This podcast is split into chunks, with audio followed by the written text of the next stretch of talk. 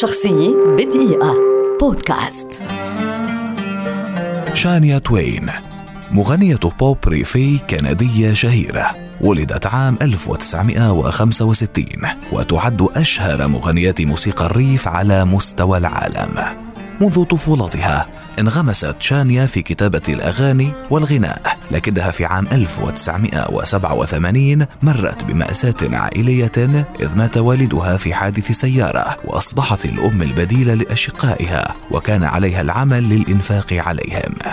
بعد سنوات من هذه المأساة أصدرت شانيا ألبومها الأول عام 1995 ورغم أنه لم يحقق النجاح الذي كانت تتمناه حقق نجاحا معقولا شجعها لتطلق ألبومها الثاني الذي حقق مبيعات هائلة قدرت بحوالي 18 مليون نسخة.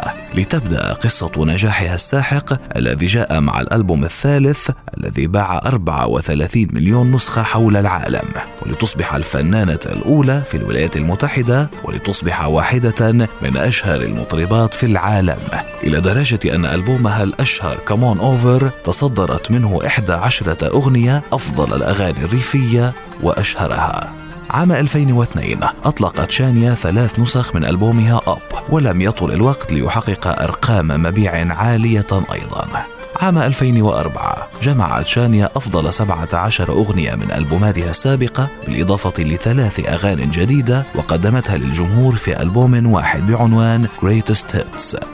قصة كفاحها منذ الصغر ومعاناتها مع الفقر مرورا بمرحلة شبابها الصعبة حتى النجومية كانت محور برنامج تلفزيون الواقع Why Not With شانيا توين الذي مثلت فيه شانيا وعرض على شبكة أوبرا وينفري عام 2011 نالت شانيا توين خمس جوائز جرامي بما فيها جائزة أفضل ألبوم لفئة country عام 1996 عن ألبوم The Woman in Me وأفضل أغنية من فئة country عام 2000 عن أغنية On Over. حصلت شانيا أيضا على خمس جوائز موسيقى أمريكية بالإضافة إلى 39 جائزة BMI عن كتابة الأغنيات.